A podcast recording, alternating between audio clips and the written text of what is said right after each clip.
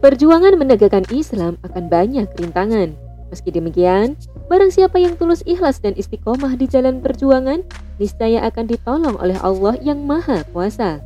Bahkan, Allah sangat berkuasa untuk menyelamatkan nyawa hambanya.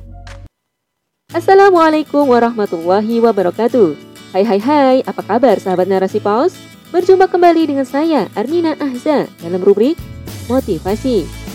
Kali ini dengan judul Pertolongan Allah itu dekat oleh Kiki Firmansyah. Simak selengkapnya dalam podcast Narasi Pos, Narasi Pos Media, cerdas dalam literasi, bijak menangkap peristiwa kunci. Rasulullah Shallallahu Alaihi Wasallam menegakkan Islam memang sangat berat. Rintangan demi rintangan bermunculan tak kunjung henti. Sejak awal Rasulullah berdakwah, hampir semua orang Quraisy memusuhi, hingga tiba malam yang menegangkan itu. Ketika perintah hijrah harus beliau tunaikan. Banyak pelajaran berharga yang dapat dipetik di sepanjang perjalanan hijrah. Utamanya bagi para pejuang Islam yang ingin menegakkan perjuangan Islam melalui perjuangan politik maupun moral, melalui penyadaran umat atau melalui jalur-jalur yang lain. Tidaknya, ada tiga peristiwa dalam perjalanan hijrah yang menjadi tanda-tanda kekuasaan Allah terkait dengan diselamatkannya nyawa Rasulullah yang terancam. Tiga peristiwa tersebut adalah yang pertama, konspirasi untuk membunuh Rasulullah. Malam saat beliau akan berhijrah itu, pemuda-pemuda pilihan dari kabilah-kabilah Quraisy melakukan pengepungan. Tujuan mereka satu, habisi Muhammad. Namun, Allah menghancurkan rencana itu. Rasulullah keluar melewati mereka sambil mengambil segenggam debu dan menaburkan ke kepala mereka. Saat itu, beliau membaca ayat Al-Quran yang artinya, Dan kami adakan di hadapan mereka dinding, dan di belakang mereka dinding pula. Serta, kami tutup mata mereka sehingga mereka tidak dapat melihat. Quran Surah Yasin ayat 9 Para pemuda itu pun tertidur, hingga mereka tidak lagi menemukan Rasulullah. Hanya Ali bin Abi Thalib yang tertidur terbujur. Tidurlah kamu di tempat tidurku, dan pakailah selimut hadarami yang berwarna hijau itu. Mereka tidak akan berbuat jahat kepadamu. Begitu Rasulullah berpesan. Kedua, apa yang menimpa Rasulullah bersama Abu Bakar pada keesokan paginya?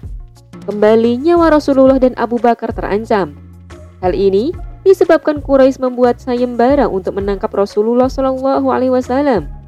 Salah satu pengikut sayembara itu adalah Surakah bin Malik. Ia mengisahkan bagaimana terlibat dalam upaya membunuh Rasulullah. Ketika aku sedang duduk di salah satu majelis kaumku, yakni Bani Mudlid, salah seorang dari mereka menemui kami. Ia berkata, Wahai Surakoh, aku telah melihat orang di pantai. Aku yakin mereka adalah Muhammad dan para sahabatnya. Namun kamu telah melihat si Fulan dan Fulan. Mereka berjalan di bawah pengawasan kami. Surakoh memang sengaja melakukan disinformasi karena ia sendiri ingin menjadi pemenang sayembara itu. Maka ia segera bangkit dan masuk ke dalam rumah. Ia segera memerintahkan pelayannya untuk mengeluarkan kuda. Suroko sendiri segera mengambil tombak lalu keluar melalui pintu belakang. Begitu kudanya tiba, segera ia memacu kudanya sekencang mungkin. Suroko berhasil mengejar Rasulullah Shallallahu Alaihi Wasallam. Namun kaki kudanya tiba-tiba terantuk dan ia jatuh terpelanting. Merasakan gelagat aneh itu, Surokah bangun dan mengambil tabung tempat menyimpan anak panah itu. Ia ingin tahu apakah bisa mencelakakan Rasulullah dan Abu Bakar atau tidak. Ternyata, yang keluar adalah yang tidak menyenangkanku, kata Surokah. Namun, ia segera menunggang kudanya kembali dan tidak menghiraukan hasil undian nasibnya. Kudanya melaju cepat sehingga mendekati Rasulullah Shallallahu Alaihi Wasallam. Ketika itulah, kaki kuda itu terperosok sampai ke lutut, sedang Surokoh terjerambab. Aku hentakkan kudaku lalu bangkit. Hampir saja kedua tangannya tidak keluar. Setelah berdiri tegak, tiba-tiba dari bekas tangannya, kakinya itu keluar debu yang berkilau di langit seperti asap. Kemudian aku mengundi nasib dengan anak panah. Dan yang keluar adalah hal yang tidak aku inginkan. Kata Surakoh mengenang kisahnya. Akhirnya, ia berseru kepada Rasulullah bahwa dirinya tidak akan berbuat jahat kepada mereka. Rasulullah Abu Bakar, juga penunjuk jalan Amir bin Fuhairah berhenti. Setelah mendekat, Surakah meyakini bahwa Rasulullah kelak akan menang dan berkuasa. Surakah mengisahkan tentang apa yang dilakukan para pembesar Quraisy dengan sayembara itu. Lalu, ia mencoba memberikan kepada Rasulullah bekal perjalanan. Namun, Rasulullah hanya minta agar Surakah merahasiakan keberadaan mereka. Rahasiakanlah tentang kami, pinta Rasulullah. Surakah meminta beliau menuliskan memo keamanan untuk dirinya. Kemudian Rasulullah memerintahkan kepada Amir bin Fuhairah untuk menuliskannya. Amir pun menuliskannya di atas sepotong kulit. Kemudian Rasulullah Shallallahu Alaihi Wasallam melanjutkan perjalanannya. Begitulah Rasulullah yang semula dikejar hendak dibunuh, Allah selamatkan. Bahkan lebih dari itu, Allah mengubah hati Surakoh yang tadinya hendak memusuhi dan membunuh Rasulullah menjadi pembela Rasulullah. Setiap kali ada orang yang ingin mengejar di belakangnya, dihalau oleh Suraka dan disarankan untuk kembali. Ketiga, perjumpaan Rasulullah dengan Abu Buraidah.